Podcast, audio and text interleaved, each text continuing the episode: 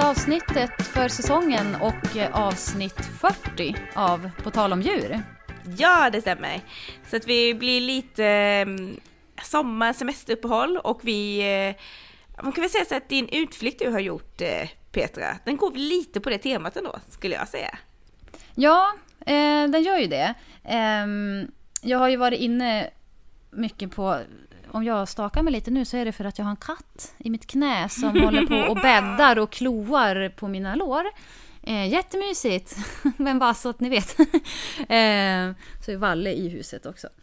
Eh, ja, men jag har ju varit inne på det här med att tipsa om grejer, filmer och böcker och lite sådär som handlar om djur. Och eh, på sommaren, gärna på semestern då, så är det ju liksom kanske tänkt att man ska ha tid att läsa en och annan bok, ligga i hängmattan, ta det lite lugnt, läsa böcker. Och oftast handlar det om deckare. Eh, men nu har jag liksom gått till en expert, skulle jag vilja påstå. Eh, mm. Och fått riktigt bra boktips som handlar om djur. Ja, det blir jättespännande ja, Inför sommarläsningen, om man vill ha något annat än deckare. Mm. Mm, och vill man inte läsa på sommaren, om man vill läsa någon annan gång, spara tipsen till senare. Mm, precis. Det, det. Ja, det kan man absolut. Vi kommer lägga ut eh, på vårt Instagramkonto sen, på tal om djur, eh, alla de här böckerna som man kan se, välja och vraka. Ja! Mm. Och, eh, men innan dess så brukar vi prata lite djurnyheter. Och nu kommer jag på också Peter, att jag har ju faktiskt varit kattvakt sen vi pratade senast. Lite ah. spontant sådär. Mm. Ja, det måste du berätta det mer om. Det visste du inte va? Eh, det låter ju väldigt kul att vara mm. så här, att man spontant blir en kattvakt. Att det inte var så planerat ja, eller? Nej, det var inte så planerat. Alltså jag har passat den här katten innan. Eh, men eh, nu var det, min, alltså min kompis vet att jag är lite allergisk mot katter. Och också att jag haft det jättejobbigt med pollen och så i år. Så hon var så här, hade inte velat fråga mig. För hon tänkte det blir mm. jättemycket allergi för henne. Eh, men sen, tur för mig då, mm. så några dagar innan så den kattvakten som hon hade fått tag på, ja det liksom strulade till sig lite där, det var inte optimalt längre. Och då bara råkade vi prata och jag bara, men kör hit honom, det är lugnt. Har du haft honom hemma hos dig också? Ja, oh. ja en hel vecka. Lilla Lucifer. Mm. Gud vad mysigt. Ja, jättemysig. Jag vet inte, är dina katter så också att de eh, gärna vill tränga in sig mellan benen och toalettstolen när man sitter på toa? Eh, nej. För det gjorde han hela tiden. Alltså nu, jag stänger ju dörren för att låta dem, eller för att jag inte vill ha dem där. Ja, det hann eh, inte jag lära mig. nej, nej men det, det, det är kanske sådär som man lär sig med tiden när man har katt. eh, men det är väl någon gång som jag har gått på toan och sen har de också varit på toan, på sin toa. Ja. Fast jag inte mm. har märkt det. Och då kan mm. det ju bli lite så här, hm, vad, vad mm. gör du här? Mm. Liksom. Att de liksom vill ja, titta på mig när jag sitter och försöker köra ut dem. Ja. Men inte sådär mm. trängas kanske. Nej, nej, nej, men han var väldigt rolig Lucifer. Alltså det är väldigt mysigt sådär att ha någon, en kise så när man kommer hem och så tycker jag. Mm. Eh, men Lucifer han är lite rolig för att han eh, vill inte bajsa själv när han är hemma själv. Nähä. Så han håller sig tills eh, han kommer hem från jobbet. Nämen.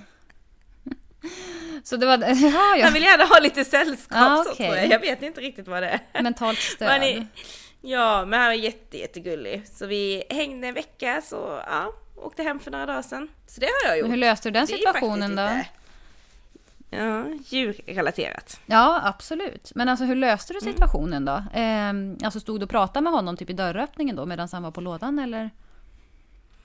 Ja, alltså jag ville ändå ge honom lite privacy, men mm. eh, jag tror bara han ville känna att jag var hemma liksom. Ah, okay. Alltså, jag behövde inte vara så att jag satt bredvid lådan och med honom så. Nej, utan, Nej det var skönt. Ja, någonting med det där. Men katter är ju lite roliga, de kan ju ha sina egenheter på det viset. Eh, absolut, det, det kan de. Mm. Mm. ja men vad mysigt. Så det var en liten privat nyhet då relaterat till djur. Mm. mm. Men har du någon annan djurnyhet? Eh, ja, eh, jag har hittat en, eh, en uppdatering eller en, ett lyckligt slut på det här med mm -hmm. de här, vi pratade om det för några avsnitt sedan, om de här lemurerna som hade rymt från eh, någon djurpark i Norge. Mm. Eh, och det var ja, fem det. stycken. Mm. Ja, det var fem stycken som hade rymt. Eh, bara fyra hittar de ju ganska på en gång. Men en stackare blev ju kvar. Eh, men den här lilla lemuren har nu hittats efter fem veckor ute i det vilda. Men Visst. vet de vad, vad, vad hen har gjort liksom? Nej, det vet de nog inte, men den har ju liksom klarat både minusgrader och blåst och, och sådär och liksom, ja, hittat mat. Den såg ju inte ut att vara liksom undernärd på något sätt eller inte må bra, utan den, satt, eh, den hittades vid vägkanten någonstans i Norge. och så Det fick verkar den inte komma ha gått hem. någon nöd på, på den liksom. Nej, inte något speciellt. Den såg glad och fin ut, kom till eh, djurskötaren då när den eh, ja, kom och mötte den där efter vägen och så Mm. fick den lite mat och så hoppade den in i bilen och åkte hem. Ja. Ja, Tänk det, vad odramatiskt ändå för någonting som ändå känns väldigt dramatiskt innan man hittar eh, Mm. lemuren liksom. Exakt, och så bara löste det Så sig väldigt sådär. odramatiskt slut ändå. Ja. Ja. men tjena, ja det är du, ja men jag åker med dig. Inga problem. Ja, ja okej, ska vi åka hem nu? Ja, men då så, då kommer jag. Ja. Five weeks later. Ja, men visst. Ja, men, så det var kul, det var ett lyckligt slut Ja. på, på den historien. Ja men det var kul att få den uppdateringen. Ja, jag kände det. Att Mm. vi var tvungna att liksom runda av den, eller liksom ja, knyta ihop det. Ja. Vad har du hittat? Jag har hittat en nyhet, ja, på Instagram såklart. Mm. Eh, där det P3 Nyheter som la upp, eh, det var bara häromdagen tror jag, två dagar sedan typ. Mhm. Ehm, som handlar om ehm, en dugonunge vid namn Marium vårdas av veterinär i Thailand efter att hon har simmat vilse och tappat bort sin mamma. Nämen. Rapporterar New York Times står det. Mm. Och den är fem månader gammal eh, och har nu börjat fästa sig vid människor då. Och det här har ju fått eh, stor uppmärksamhet i Thailand men det oroar ju veterinärerna då. Mm. Eh, men de behöver ta hand om eh, den här ungen i åtminstone ett år till eftersom hon behöver få i sig mjölk i drygt 18 månader står det. Mhm. Ehm, så ehm, ja, de kommer försöka träna eh, Marium då för ett liv i det fria sen. Mm. Men just nu gäller det bara att se till att hon överlever och mår bra och så. Och dugonung, eh, du, du, du, du, dugonen. dugonen är då alltså släkt med den amerikanska sjökon. Eh, och eh, kan bli drygt 3,- 3,4 meter lång och arten är listad som utsatt av internationella naturvårdsunionen. Så att det ser jättegulliga bilder liksom när det är människa som håller den här, ser ut som en sjöko. Ser du någonting där? Ja, det är en brun klump Alltså det är liksom någon håller någon som står i vattnet och bara Ja exakt, det är skitgulligt. Ja. Och eh, ja, ja jag tycker det var gulligt i alla fall. Men det är ju Ja. liksom, hon är ju bara fem månader så att eh, än så länge så går det ju att hålla henne då men blir de sådär, det är väl kanske inte lika gulligt när hon är tre meter sen. Nej, nej, då blir det lite mer att ta hand om. Eh, Men jag hoppas det går bra för den och hoppas att den här mamman, ja, vad nu som kan ha hänt med henne. Att hon... Ja, ja det vet man Ja, inte men jag hoppas bara att det går bra för, eh, för den eh, Marium då. Mm. Ja, Eh, verkligen. både att hon överlever och att det går bra att återföra henne till det vilda sen. Får man ju hoppas. Precis. Eh, ja, vi håller tummarna. Får vi se. Mm. Ja. Ja. Men eh, vad säger du? Eh, är det dags att dra till biblioteket? ja, det tycker jag. Hej alla djur, djurälskare! Jag heter Anna Troy och jag arbetar här på Härnösands bibliotek som bibliotekarie. Och eh, jag är en av dem som köper in böcker och bland annat böcker om djur. Vilda och husdjur. Och det är därför jag är här, för att vi ska prata om de här böckerna. Några av dem i alla fall. Eh, du har ju tagit fram en liten lista här på böcker som du vill tipsa om och så ligger de här på bordet. Eh, jag vet inte om du har någon som du helst vill börja med? Ja, vi kan ju gå lite efter ålder. Har precis kommit en bok som heter Binas hemliga liv av Tor Hansson. Och det är ett väldigt aktuellt ämne. Eh, Jag har, den är så färsk så jag har inte hunnit läsa den. Men en kollega till mig eh, tipsade om den här och har börjat läsa den, tycker att den är jättebra och vill att jag ska ge, tillba- ge den tillbaka till henne direkt efter det här pratet. Eh, den eh, handlar allt om bin. Eh, från hur den första steken bestämde sig för att sluta äta kött och gå över till pollen. Eh, till eh, ja, historia, både med relationen till människan, hur människor har börjat ta hand om bin och hur de är ute i naturen. Eh, ganska fint designat, det finns bilder. Eh, och det är en bra populärvetenskaplig bok helt enkelt. Eh, känns lite tjockare, den är på, ska vi se, ungefär 270 sidor. Något sånt där. Mm. Då har de täckt allt som Ja. har med vin att göra. Eh, så att eh, det här är, det är liksom en del av fak- man kan säga området. Faktaböcker behöver inte vara torra och bara räkna upp en massa statistik. Utan särskilt nu om man vill att en, en, om en författare vill att en faktabok ska säljas så ska den ju vara liksom rolig att läsa också. Mm. Som kan ha lite berättande i. Och om man vill prata mer om berättande så ska jag vilja också ta upp den andra insektsboken som jag har som heter Galen i humlor av Dale, Dave Goulson. Eh, Den kom ut 2015 på svenska. En väldigt engelsk bok. Det handlar om här Dave Goulson. Han inleder med att berätta om hans insektsgalna barndom och hur han verkar haft ihjäl ganska många gre- grejer i sina försök att vara djurvän och samla och så. Eh, väldigt engelsk. Men den går in på, efter för hans barndom så går det in till exempel eh, kort historia om bin, eh, valört stickande fötter, humlekrig, humlefiender, en stiftelse bara för humlor. Allt, en mängd olika varianter och information om humlor blandat med liksom väldigt engelska anekdoter och där. Som en kapitel in- inleder han med hur han inte gillar duvor men de är ju så bra på att hit- hitta hem så hur är det med humlor? Hur klarar de att hitta hem? Och så berättar de om, om sitt experiment. Och en annan orsak till att ta upp den här är att den blev väldigt populär eh, ganska snabbt och jag tror typ en, två böcker till om humlor gavs ut.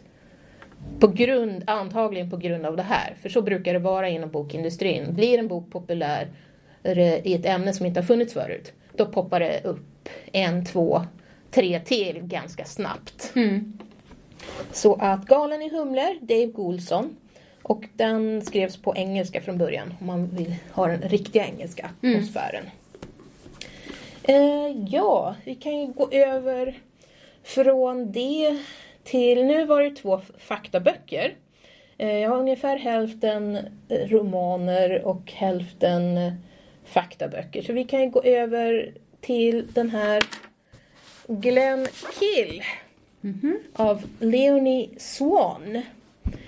Också känns mycket engelsk när jag läste den. Jag trodde den var engelsk men sen nu när jag kollar den så får den faktiskt ursprungligen tysk. Men här är en deckare med, med eh, bonddjur i huvudrollen. Det står att det är en kriminalroman Ja. på framsidan. Så att eh, det är fåraherden Jo- George Glenn. Han eh, är en bonde i Irland. Och det var väl därför jag trodde den liksom var engelsk till att börja med. Och han är en bonde i Irland och han fördrev sin tid med att läsa, läsa deckare för sina djur. Bland annat fåren. Han gillade att läsa Agatha Christie högt. Så när eh, den smartaste fåret, som kallas Miss Marple, eh, hittar sin älskade bonde död med en spade i sig, så blir hon ju till sig och sen bestämmer hon sig att hon ska lösa mordet på sin bonde. Och sen hon, resten av fårflocken och de andra djuren tar då och försöker att ta reda på varför han har dött. En verkligen så här mysdeckare. Och riktigt bra även som en, en deckarbok. Nu var det ett tag sedan jag, jag läste den här. Den kom ut 2006. Men vill man ha en annorlunda deckare med djur i huvudrollen. Då ska man eh, läsa den här Glenn Kill. Vad roligt, för jag, det är ju, deckare känns ju som sommargenren. Mm. Men här har vi ändå fått med djuren, det är ju det viktiga. Ja, alltså när eh, du Petra tog och frågade mig om, om liksom romaner med djur. Så det var lite svårt. För det finns ju böcker där är, liksom, djuren finns med men oftast är det mycket människor. Men det finns ju några böcker och romaner, både flera klassiker. Eh, för människor gillar ju liksom att använda liknelser och då har man oftast djur som ett sätt att berätta om någonting. Jag, djurfarmen är är en sån här klassisk exempel. Jag tog inte med den för den kändes så väldigt självklar liksom med, med när eh, husdjuren och grisarna gör uppror och sen blir det en diktatur med en gris i huvud, huvudrollen. Men det, jag har med två stycken klassiker här. Eh, vi kan ju ta Måsen av Richard Bach. Måsen, berättelsen om Jonathan Livingston Seagull. Det är en ganska tunn bok eh, och väldigt poetisk. Och grunden handlar om en mås som vill flyga högre och bättre än alla andra måsar. Och han blir i princip utstött. För att han, man ska följa med flocken. Man ska inte hö flyga högre i flocken och göra konstiga akrobatkonster. Eh, men han bryter sig ut och det är liksom lite filosofi och den här kom 1970. Precis i det här slutet med hippierörelsen och sådär. Och det, det märks. Men just den här svenska översättningen som vi har som är från 90-talen är också fin för den har foton och bilder av måsar i. Eh, och det han, så att hur han tar och flyger iväg från flocken och blir sin egen och sen blir nästan eh, några tycker han är lite av en måsmessias. Lite. lite. Det är lite jantelagen kommer in där, att man Mm. inte ska sticka ut och vara för mycket. Och... Ja, nej, men vill man ha en liten lågmäld, lite filosofisk bok så Måsen, berättelsen om Jonathan Livingston Seagull, Richard Bach. Och just den här har då fotografier av Russell Munson. Och det här är en amerikansk bok till att börja med. Spännande. Sen har vi ju en ännu större klassiker som är aktuell nu eftersom den har gjorts till en ny Netflix-serie. Aha, Eh. Richard Adams, Den långa flykten, Watership Down. Eh, flera kanske läst den här. Jag läste den här högt för min bror när jag var liten. Och vi kan ju läsa på baksidan här. En dag vid gullvivstidens slut bryter en flock vildkaniner upp från Sandalfords ängar, hotad av människornas framfart, för att söka en ny boplats. Den lille femman har anat faran, den handlingskraftige Hassel blir ledaren och det får med sig den stöddiga kronan, den poetiska Maskros, den klipske Blå- Björnbär och några till. Okända fiender och farligheter väntar i det grönkulliga engelska landskapet och ställer dem på stora prov. När efter tusen äventyr kan förverkliga drömmen om ett nytt hem på Watership Down är det inte samma sorglösa oerfarna varelser som en gång gav sig iväg. Så har man inte, om det är någon eh, bok med djur i huvudrollen, då ska man läsa Den långa flykten. Eh, väldigt episk. Och de har sin egen mytologi, han har liksom eh, Richard Adams har gjort sin egen mytologi med den stora kaninen. Eh, och femman är lite, en så här, lite av en visionär och ser syner. Och det är vad han, han har varnat för faran. Och vad, vad som händer är, i början det är att människorna, det här gavs ju ut då 76. Så att eh, det är att de, ska rensa ut kaninerna med giftgas. Aha. Så att det är en ganska hemsk scen när det där börjar hända och de här få kan fly iväg på sitt episka äventyr. Mm. Och som sagt, läs boken innan ni börjar titta på Netflix-serien. Gjordes också till en ganska fin tecknad film på 80-talet tror jag. Ja, den ska jag läsa, absolut. Eh, sen så kan vi ju ta eh, en svensk bok. Ja. Eh, av Niklas Rådström och Katarina Gunther Rådström. Den heter Absint, historien om en blåmes. Men, Den är också lite så här kort bok. Eh, handlar ur, om hur de hittade en blåmesunge som hade ramlat ur boet tror jag och hur de tar hand om den och hur den växer upp och eh, gör sina små eh, sitt lilla liv. Och det som är extra är att de har en massa små teckningar i den här också. Om, Mm. här, här är en bild på blåmesen sitter på en kopp. Det är lite så här eh, svartvita teckningar. Det ser nästan ut som om de bara har ja, kluddat väldigt snabbt men man får liksom ögonblicksbilder från den här lilla blåmesen hur den, den är i deras, deras liv. Det är en väldigt fin bild på framsidan också på den här. Ja. Så att, och den är, har varit tillräckligt populär så den boken som jag håller upp är en nyutgåva. Så de har liksom, den sålde slut och sen fick de trycka upp den igen. Också en ganska tunn bok som man vill ha. En liten fin, lite, lite lugnare bok. Man vill värma upp med djurböckerna så Mm. kan man ju börja med de här tunna. Ja, fint. så att eh, den kan, om man gillar fåglar eller bara allmänt vill ha en liten lite lugnare bok eh, som är, liksom gör en varm om hjärtat så kan man läsa Absint. Mm. Nu har de här böckerna som jag pratade om, de har ju bara varit om ett djur. Mm. Så då ska vi ta en faktabok. Om man gillar liksom fakta och historia så finns det 50 djur som ändrat historiens gång. Gud vad spännande. Och eh, den är fylld av, det är mycket bilder i den här och det är typ ett väldigt korta kapitel, det är några sidor vid varje djur. Eh, som silkesmask och ko, tamhöna eh, och elefant.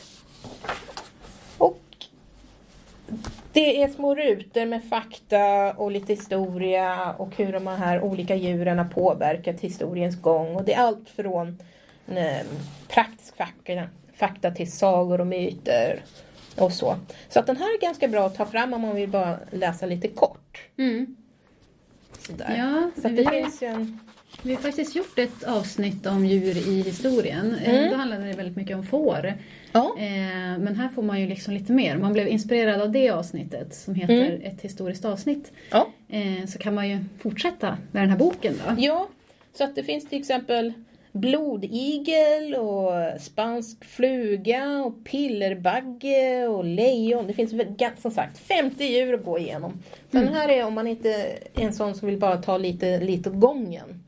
Så kan jag rekommendera den här. Och den har skrivits av Erik Schalin och är, är ganska, eller jag vet inte, kanske något annat, Eric Schal- Schalin eller något sånt där, jag vet inte. Eh, men eh, den kom ut 2016. Och sen har jag en sista, lite uddare sak. Det är nämligen vad ska jag säga, en serieroman, graphic novel, av Grant Morrison och Frank Quietly. Man kan säga att det är nästan som en lite egen underavdelning det här med att djur flyr från djurförsök. Mm. Eh, Det finns ju eh, en eh, Mössen från NIM, en ganska bra barnbok. Den här Richard Adams skrev in en som heter eh, Shardik. Där är en björn som försöker ta sig bort. Men med den här så är det tre stycken djur. Det är en kanin, en katt och en hund. Som har varit med i ett experiment ett militärt experiment där de har opererats in i som så här robotkroppar. Så man ser som bulliga robotkroppar i olika storlekar med djurens huvud som sticker ut och de har liksom små, som en liten antenngrej på toppen. Och det gör att de kan prata. Så att de, är, de, har inte, de blir lite mer intelligenta, så här, inte jättemycket, men de kan prata. Men grejen är den att det här experimentet, det anses vara ganska misslyckat och det ska läggas ner och då vet man ju vad som händer med djuren. Och de är tillräckligt smarta för att, att förstå det, så på något sätt så hör, hör de om det och de flyr. Och det här är en väldigt vältecknad. Eh, grafisk roman, den är på engelska, den finns tyvärr inte på svenska men vi har den här på Härnösands bibliotek för att jag gillar serier och hörde talas om den här. Och det är inte för barn. Det finns några ganska våldsamma scener där de tar och eh, där soldaterna följer och de slår ju tillbaka. Så att det är liksom en ganska episk berättelse hur de tar och eh, förföljs. Och jag kan ju avslöja att även, att även om det är inte 100% glatt så i slutet, så det, är, det slutar gott Mm. i de här. Så att eh, gillar man eh, serieromaner och är, jag skulle säga minst 16 år och inte är för känslig. För man ska in, jag tror inte man ska läsa det om man är, liksom, är man sån där som, blir, som eh, bryter ihop om det händer dåliga saker till djur på film till exempel. Då kanske man inte ska läsa den här. Men en jättebra grafisk roman. Och det är ingen fortsättning på den. Det är en sammanhållen berättelse. Vilket är bra för att ofta är de här liksom att, de är i, att det kan vara jättemånga album. Så att eh, ja, och den heter, jag sa ju inte vad den hette, den heter We 3. Och det är W-E och sen siffran 3.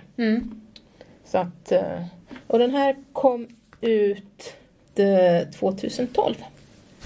Spännande. Jag tycker det var jättebra tips. Ehm, Men om eh, du ska välja en åt mig som jag borde börja med, eller som jag absolut ska läsa här i sommar. Alltså vill du ha en, en episk berättelse och riktig sommarläsning då ska du läsa Den långa flykten av Richard Adams. Ja, vad bra. Då ska jag börja med en riktig klassiker då. Mm. Yes, men där fick ni lite goda tips och även jag. Eh, Ja, alltså vet du vad? Jag kände faktiskt till eh, Humle-Dave sen innan. Alltså, du hade koll på honom du? Han var i Göteborg i april, kan jag be att få tala om. Det var Ah. stort alltså. Jag jobbade lite med internationella vetenskapsfestivalen som går i Göteborg varje år. Och han var ju med där då. Ah, vad häftigt. Alltså han Vad var i kul. botaniska trädgården och kollade på alla eh, växterna och blommorna där och pratade om bin både i SVT och överallt. Ja, han Mm. var... Mm. Han är ju liksom ja, humlornas, eh, Herre. jag vet inte, representant, ja. Mänskliga form eller representant i världen verkar det vara väldigt stor inom sitt område. Ja, men vad Ehm, roligt. Så det var lite kul att, att höra om ehm, när Anna berättade om honom att bara ja! En grej jag kände till Ja. innan. Ja, ja men det är bra. Eh, det är ju så här alltid när man typ när man gör en intervju och så tänker man så här, ja men gud, det här blev ju snabbt och smidigt och här behöver inte jag klippa bort någonting. Men så måste man ju tyvärr ändå göra det. Eh, för att jag har ändå haft en tanke om att så här, det har liksom kommit som en liten ny genre, att det har blivit så här populärt med, med böcker som Gatukatten Bob och om eh, Arthur eller Arthur, hur man nu uttalar. Eh, att det har liksom kommit, ploppat upp mycket sådana böcker. Så vi pratade lite om det också. Eh, Att hon ändå kunde se att det fanns en lite liksom ökning på något vis när det kom till böcker som handlar om djur. Och att allting då skulle ha börjat med en bok om bibliotekskatten Dewey. Vilket passade ju skitbra då när vi var på ett bibliotek. Och att det finns en bok om en bibliotekskatt som heter Dewey. Eh, så den kan man ju också tipsa om, som var liksom kanske pionjären lite eh, bland de här djurböckerna. Mm. Jag ville bara lägga till det. Vad blev du mest eh, sugen på att läsa då? Av? Ehm, ja, alltså jag är ju ingen sån som läser deckare eh, till vardags så. Men tänkte, ja men nu kan jag ändå kombinera när det fanns en kriminalroman eh, som ändå var ur djurperspektiv. Så kanske den Ja! då? Ja men den fastnade jag också lite för. Ja. Och sen självklart Dave då också eftersom han dyker upp lite nu i mitt liv. Då och då verkar det Ja, som. precis. ja. Eh, nej men så fick jag ju ett väldigt bra tips där på slutet av Anna också. Så att, ehm, ja. Eh, någon Mm. blir det ju. Eller två kanske. Eller tre, beroende på hur mycket tid Mm. jag nu har. så är det ju alltid med semester. Man tror sig Ja. hinna så mycket och så gör man ändå inte det. Men jag ska Precis. fan försöka. Det finns ju ljudböcker också. Alltså alla de här antar jag finns som ljudbok. Då brukar det ju finnas. Om man vill lyssna på dem också. Ja, det får man kolla upp själv för det har inte jag kollat upp faktiskt. Men... Nej, nej, nej, nej, men jag bara antar att de flesta finns ju, eller det finns ju väldigt många i alla fall, så Ja. det kanske de finns ifall man föredrar att lyssna istället om man tänker så här, ut och kör bil eller åker tåg men blir åksjuk och sånt som Mm. jag, då kan man lyssna istället. Mm. Mycket bra alternativ. Eh, yes. Och med det så kanske vi vänder blad och går vidare till avsnittets djur. Ja, precis. Blekinges landskapsdjur. Ekoxen drog du ur burken. Ja, visst. Nu du, ska du få höra. du lär ju ändå ha hört ganska mycket om ekoxen får jag för mig eftersom det ändå är landskapsdjuret liksom, Ja. under din uppväxt. Alltså jag vet inte, ja men jag vet ju såklart hur ekoxen ser ut och så, fast jag, alltså den är ju så ovanlig så att jag har ju kanske sett den eventuellt en gång på långt håll. Mm, Just det, Det det, har vi pratat ja. om. Det har vi nog pratat om innan. Ja. Så att det är jättebra att få lära mig mer om det för att eh, ja, jag vill veta lite mer än så kan jag känna. Ja. Eh, nej men det är ju som sagt då eh, Blekinges landskapsdjur. Eh, och den nordligaste populationen av ekoxen finns i Skandinavien. Eh, och den håller ju då främst till i ekskog. Inte helt otippat.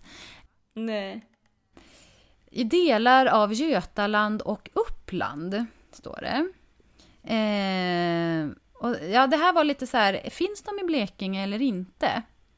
Eh, blev, jag, jag blev jättefundersam i början. För de flesta noteringarna som man har gjort när man gjorde en inventering då av alla, eh, de gjordes i Kalmars län. Eh, mm, knappt före Blekinge län och Östergötlands län. Ja, Ja. så det kanske, jag vet inte om de håller till mer i Kalmar ändå. ja. Eh, men i alla fall, de vanligaste ställena tittar de på är ändå, lyssna nu, Ronneby, Nähä! jo, Ja. eh, Nät, Nätraby eller dem? Nättraby, jag vet inte, det är två T. nät, Nättraby. Ja, Nättraby.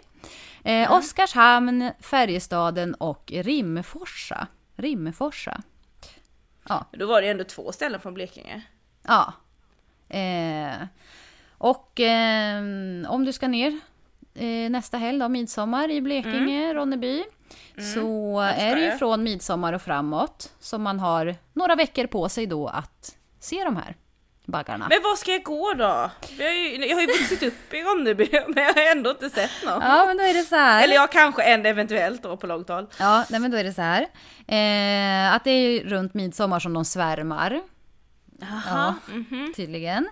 Eh, och då kan man se dem i skymningen.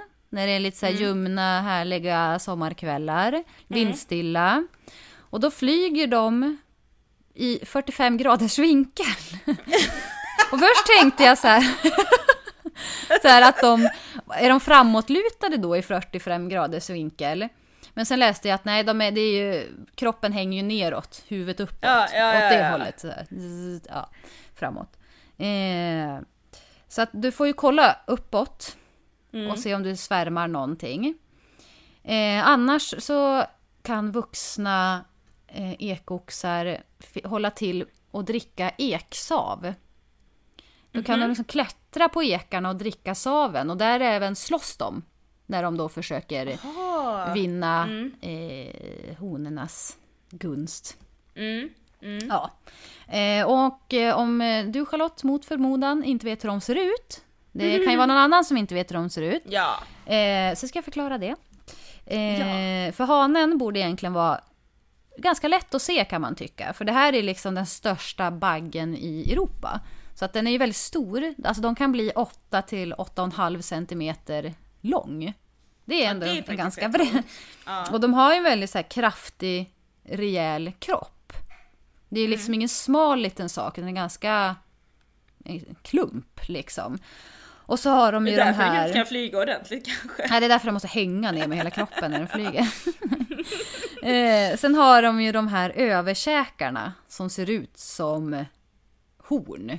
Hon, ja, Ja, som det. sticker ut så här på sidan. Det Liksom, är egentligen och framåt. käkarna då? Ja, det är överkäkarna som ser ut så. Ja. Eh, och så är de ju lite mörkbruna till brunsvarta i färgen så att de borde ju ändå, när det är så ljusa nätter, synas kan man tycka. Liksom, när, när de flyger. Eh, och eh, honorna kan ju vara lite svårare då, för de är liksom hälften så stor som hanen. Eh, och eh, de har ju inte samma, de här käkarna liksom, utan Nej men inte lika stora eller? Nej, precis. Utan det är bara lite, något lite mindre som sticker fram. Eh, men man har ju som sagt väldigt kort tid på sig då här vid midsommar när de svärmar parar sig. För sen dör hanarna efter parningen. Det är liksom de här Okej. veckorna som, eh, ja, det gäller att ligga i med kikare och allt möjligt nattetid. Eh, för honorna, de dör efter att de har lagt sina ägg. Okej. Eh, Så och det båda är liksom dör mer i slutet på sommaren. Ja, precis. Båda dör efter de har liksom fört sina gener vidare. Okej. Mm. Eh, men då har vi larven däremot. Mm. Den lever i fem år innan, Oj, som larv! ja, innan Oj. den då liksom bygger sig en kokong som är ungefär lika Ja. stor som ett kycklingägg. Eller ett hönsägg. Kyckling, hönsägg. Oj, så Eh, stort ändå. Ja. Ja, för att den här larven blir typ 10 centimeter lång. Men shit! Ja, så att jag tänker att larven borde nästan vara lättare att se än själva baggen. Och eftersom de är... Ja, och jag tänker så att det är under larvperioden då som den egentligen lever. Har ett liv Ja, då. För sen bara ska den exakt. para sig och dö typ eller? Ja, exakt. Ah. Så att eh, en ekoxes liv... Alltså det är ju inte att vara en ekoxe så jättelänge. Det är ju att vara en larv. Nej. liksom. Mm, mm. Eh, men de här larverna i alla fall, de lever i stubbar och gamla rötter av ek, såklart. Mm. Eh, och även i sågspånsved kan de eh, finnas. Och där gör de då gångar och har sig och äter och gnager och Okej. grejer och växer på sig. Eh, men de har ju vissa hot såklart. Eh, här Ja. i världen. Eh, och ett stort hot är faktiskt eh, vildsvin då som håller på och bökar i de här rötterna och nere i... Mm. Ja, Äter de Eh. larverna med kanske? vad sa du? De kanske äter larverna också? Ja men precis, det är ju det. Jag tror inte de går på själva eh, själva baggarna utan det är ju larverna Nej. då. Som, eh, och sen är det ju att liksom betesmarker växer igen. För att vi Ja. Använder inte betesmarkerna på samma sätt som vi gjorde förr. Så Nej. det är lite hot så. Men den är ju fridlyst i Sverige så vi eh, den är ändå skyddad på det sättet. Mm. Men det vet ju inte vildsvinen liksom. Nej men precis, de skiter väl i det är lite problematiskt där Ja, Mm. nej men där får vi skicka en broschyr eller något.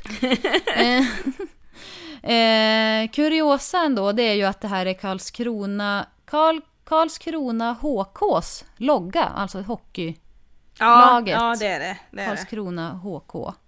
De har tydligen en Ja. logga med ekoxen på. Ja, det har de. Eh, Mm. Så vi fick in lite hockey där i fotbollstider. Mm. Och eh, mer kuriosa eh, är ju att det här artnamnet, nu vet Mm. inte jag om det här är eh, det latinska, men jag tror det. Är ju då... Det, det brukar ju vara så. Ja, eller hur? Eh, Lecanus servus är då Ah. artnamnet. Eh, och det betyder hjort. Eh, och då Okej. syftar man ju till att den här käken på hanen ser ut som hjorthorn. Horn. Men jag vet Ja. inte. Kallas en hjorthane för oxe? Är ju en Nej. fråga då. Nej, Det gör det väl inte? Ja, jag tror inte det. Nej, jag tror inte heller det. Nej. Men eh, ja, när Ja, latin... men det kanske blivit inspirerad av det i det latinska namnet där. Ja, ändå. när man eh, gjorde det latinska språket. Så var det Mhm. kanske så. Eh, ja, i alla fall. Det var det jag hade. Det fanns inte så Ja, supermycket information Det faktiskt. var jätte, men, det eh, var, nej men det var, jag det var på. jättebra. Mm. Men jag känner ju lite press nu att försöka se en, eftersom jag ska hälsa på mamma och pappa i Ronneby i midsommar. mm. Ja, men du får ligga och lurpassa lite vid ekarna där. Kika. skymningen. Ja, sitta och titta på stammarna om det kommer fram något. Får du ta bild om du kan. Ja. ja, det ska jag göra, absolut. Mm. Så Kanske får du hålla till och med koll. lyckas filma lite. Ja, det vore ju skitspännande. Får du hålla koll på de där 45 graderna som de flyger. Ja! Jag kan, Det jag, låter ju, ja det, ja, det låter ju faktiskt som en väldigt rolig flygstil måste jag säga. ja, lite egen Mm. sådär. Men jag tycker de är- har rätt vacker färg, ekoxarna. Kommer du ihåg när vi var på Naturhistoriska och pratade med insektsexperten Charlotte? Mm. Då fick vi ju se Ja. eh, sådana bevarade, eh, ja, Ja men Svalare. precis. Och de eh, är ju... De var väldigt vackra tycker jag. Ja, och skitstora. Alltså Ja, de är verkligen, verkligen. stora. Mm, mm. Eh, så egentligen borde de inte gå att missa, men eh, de är bra på att gömma sig verkar det som. Ja, men sen så det som du sa också, att de verkar ju inte leva sådär mega länge. Det kanske är det också som gör att det blir svårt att se dem. Ja, visst. Eftersom de är larv mesta delen av sitt liv liksom. Ja, det kanske är det du får börja med, att försöka hitta larven. Fast de lär ju vara i sina kokonger nu Ja, precis. och kläckas. Det lär liksom. de vara. Mm. Ja. ja, Så det, är inte väl- så stort eh, window, eller det finns ju inte så jätte, under jättelång tid man kan se dem då ju. Egentligen. Nej, nej, det gäller ju att vara på hugget liksom. Mm. Mm. Mm. Ja, ja. Eh, det får vi väl eh, uppdatera om när vi kommer tillbaks sen då. Absolut, Efter sommaren. det får vi göra. Mm. Ja, Eh, vill du dra en, en till jag har nästa inga avsnitt då? Nej, ja men då får vi jobba på det under uppehållet här. Jag vet inte om jag slarvat bort dem eller vad som har hänt, men jag har inga lappar här. Nej, då håller vi på den. Ja, Helt enkelt. det gör vi. Eh, och så säger vi bara glad sommar till alla. God läsning och Och- allt det där. Precis, Ta god läsning, eh, fina djurmöten om man har det framför sig och Mm. glad semester och allting. Ja, Ja, hej då. hejdå!